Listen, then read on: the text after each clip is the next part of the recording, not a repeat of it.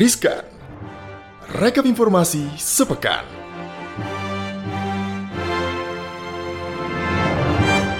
Selamat pagi, selamat siang, selamat sore, selamat malam Sobat Cuan. Hai, apa kabar? Balik lagi nih di Riskan Rekap Informasi Sepekan. Ada gue Gibran. Dan gue Bramudia Prabowo, Bram. Ya, tentunya kita udah menyiapkan sejumlah informasi nih buat kamu Sobat Cuan. Tanpa perlu berlama-lama dan tendeng aling-aling, kita kasih informasi yang pertama yang paling banyak Anda baca dan paling banyak diklik tentunya di cnbcindonesia.com. Yang pertama adalah sebenarnya kereta cepat Jakarta-Bandung itu butuh PMN nggak sih? Sebenarnya PMN itu adalah penyertaan modal negara di Sobat Cuan. Jadi nih Sobat Cuan, Presiden Joko Widodo resmi menunjuk Menteri Koordinator Bidang Kemaritiman dan Investasi Opung Luhut Binsar Panjaitan sebagai Ketua Komite Kereta Cepat Jakarta-Bandung.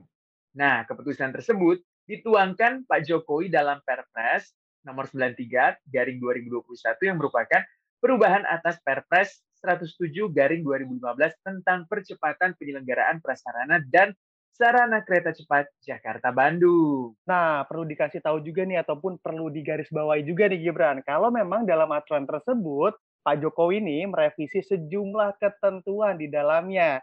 Salah satunya yang juga sudah dibaca mungkin oleh Sobat Cuan, yakni pembiayaan proyek tersebut kini bisa melalui anggaran pendapatan dan belanja negara ataupun kita kenal APBN. Padahal dalam aturan sebelumnya, pembiayaan melalui kas keuangan negara tidak diperbolehkan atau nggak boleh karena proyek ini masuk skema bisnis to bisnis atau B2B nih. Benar banget. Jadi skemanya adalah APBN nantinya bisa disalurkan kepada PT Kereta Cepat Indonesia China KCIC, perusahaan patungan dari sejumlah badan usaha milik negara atau BUMN.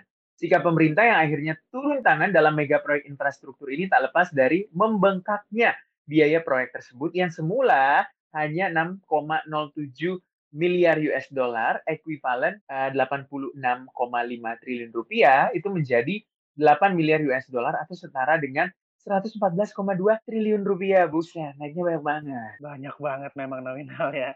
Tapi tim yang akan diketuai oleh Opung Luhut ini memang terdiri dari ada Menkyu, Ibu Sri Mulyani Indrawati, lalu juga Menteri BUMN, Bapak Erick Thohir, lalu juga ada Menhub, Pak Budi Karya Sumadi. Lalu komite ini juga bisa menetapkan bentuk dukungan pemerintah untuk mengatasi bagian kewajiban perusahaan patungan seperti ada juga perubahan biaya. Nah, ini meliputi rencana pemberian suntikan modal kepada pimpinan konsorsium. Nah, berbicara terkait pimpinan konsorsium, ini juga kan uh, berganti begitu ya, yang dulu ada PT Wijaya Karya, sekarang pimpinan konsorsiumnya dipegang oleh PT KAI. Benar banget. Dan juga Opung Luhut ada jabatan lagi nih. Tapi nggak apa-apa, yang penting bisa kerja.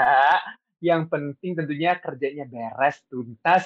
Kereta cepat. Jakarta Bandung bisa kita rasakan. Jadi mungkin kalau gua mau weekendan di Bandung nih, Jumat uh, abis kerja gitu kan, after work, gue bisa naik kereta cepat ke Bandung. Ntar Senin subuh naik kereta cepat lagi dari Jak eh, Bandung ke Jakarta, bener gak? Iya, bener. Waktunya juga cukup singkat ya, jadi bisa bolak-balik dengan nggak uh, perlu nyiapin banyak waktu dan nggak perlu macet-macetan. Benar banget. Ini terkait dengan pembangunan nih, berbicara hmm. soal banyaknya mega proyek di dalam negeri kita, salah satunya juga ini nih ada yang terbaru nih, bahkan terbesar di dunia nih Bram, adalah smelter wow. baru milik Freeport yang dibangun di Gresik, Jawa Timur nih. Jadi Presiden Joko Widodo telah menghadiri groundbreaking pembangunan smelter tembaga PT Freeport Indonesia di kawasan ekonomi khusus atau KEK JIIPE Gresik, Jawa Timur pada Selasa 12 Oktober 2021. Atas pembangunan smelter ini, Pak Jokowi juga mengungkapkan rasa bangganya karena smelter ini disebut-sebut menjadi yang terbesar di dunia.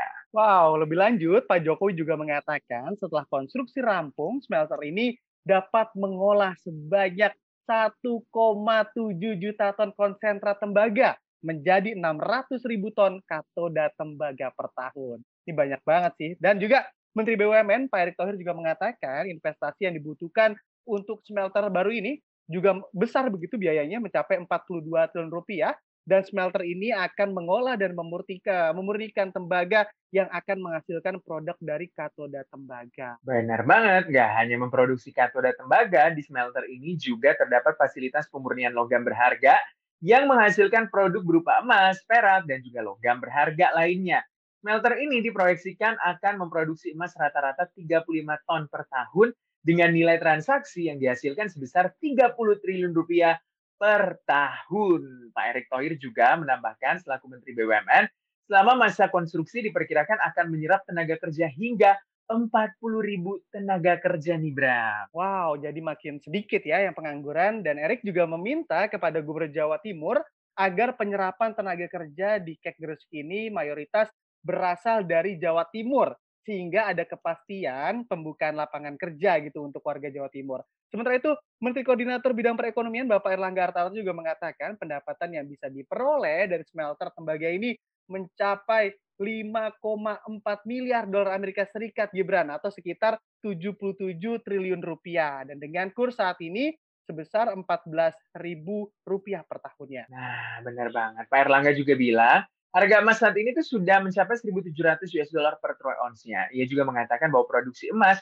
dari fasilitas pemurnian logam berharga atau precious metal refinery di smelter tembaga ini bisa mencapai 35 sampai 54 ton per tahunnya gitu ya. Oh. Jadi dengan produksi emas sebesar 35 ton per tahun ini nilainya bisa mencapai 1,8 miliar US dollar. Sementara bila produksinya mencapai 50 ton maka nilainya bisa mencapai 2,7 miliar US dollar. Jadi bisa dibayangkan nih ya, selama 40 tahun yang tadinya cuma 2 miliar US dollar atau sekitar 29 triliun rupiah per tahun, itu rata-rata dinikmati negara lain. Apakah 70% ke Spanyol maupun ke Jepang? Hari ini bersejarah karena seluruhnya akan diproduksi di Gresik, Jawa Timur. Wow, Cayo Indonesia. Semoga dengan adanya smelter terbesar di dunia ini, pemasukan ataupun cadangan devisa kita juga makin meningkat. Benar sekali, Gibran? Benar banget. Ngomong-ngomong soal cadangan devisa atau pendapatan negara juga, ini juga bisa menghasilkan devisa adalah sektor pariwisata nih, Bram.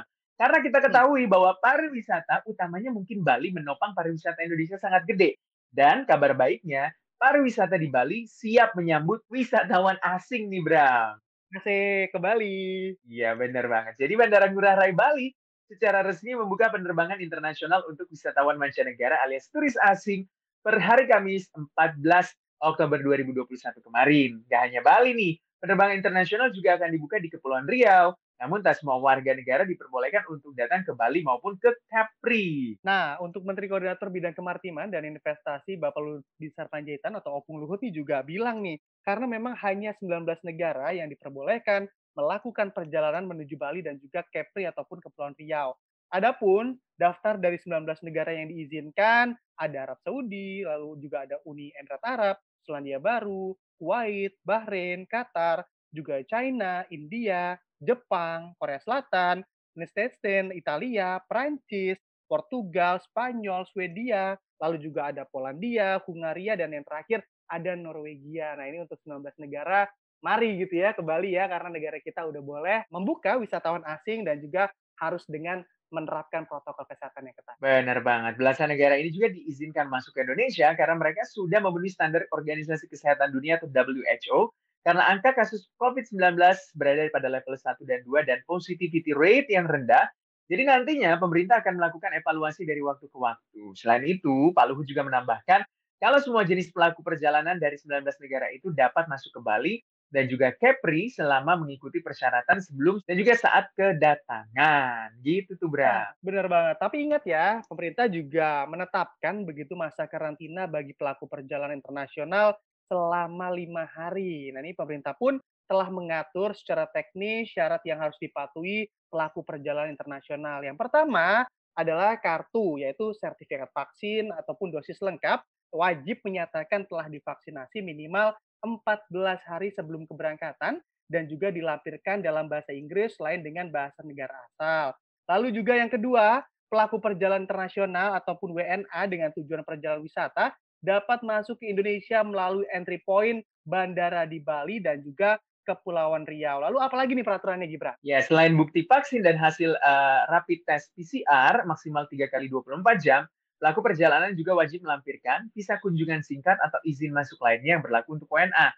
Bukti kepemilikan asuransi senilai 100 ribu US dollar atau setara 1,4 miliar yang menanggung biaya untuk COVID-19, bukti booking tempat akomodasi selama menetap di Indonesia. Jadi syaratnya ketat, harus lengkap dan juga mematuhi protokol kesehatan nih, Bram. Iya, jadi kalau sekarang kita ke Bali udah mulai ngelihat bule-bule gitu ya. Setelah uh, kemarin kalau misalnya ke Bali kayaknya update-annya sepi-sepi gitu di jalanan. Benar banget. Semoga ini bisa membangkitkan kembali pariwisata Bali tentunya, utamanya untuk transaksi nih di uh, Bali tentunya karena kan konsumsinya bisa meningkat juga. Tapi ngomong-ngomong soal transaksi nih, Bramudia Prabowo, karena ya. sebentar lagi nih kalau kita ke Malaysia terus belanja itu bisa pakai rupiah nih Bram. Wow, asik banget. Yang pasti kita jadi nggak ke money changer ya buat nuker-nuker uang. Karena memang Bank Indonesia mengungkapkan saat ini warga negara Indonesia yang berencana untuk melancong nih atau berwisata di Thailand ataupun Malaysia sudah bisa berbelanja menggunakan rupiah. Nah, ini sebentar lagi belanja menggunakan rupiah juga bisa dilakukan tadi yang seperti disebutkan oleh Gibran bisa di Malaysia juga. Benar banget. Hal ini disampaikan langsung oleh Gubernur Bank Indonesia, Pak Peri Warjio dalam OJK Virtual Innovation Day 2021 pada Selasa 12 Oktober 2021. Kata Pak Peri, kerjasama Quick Response Code Indonesia Standard atau KIRIS pada 2021 ini juga sudah bekerja sama dengan Bank of Thailand.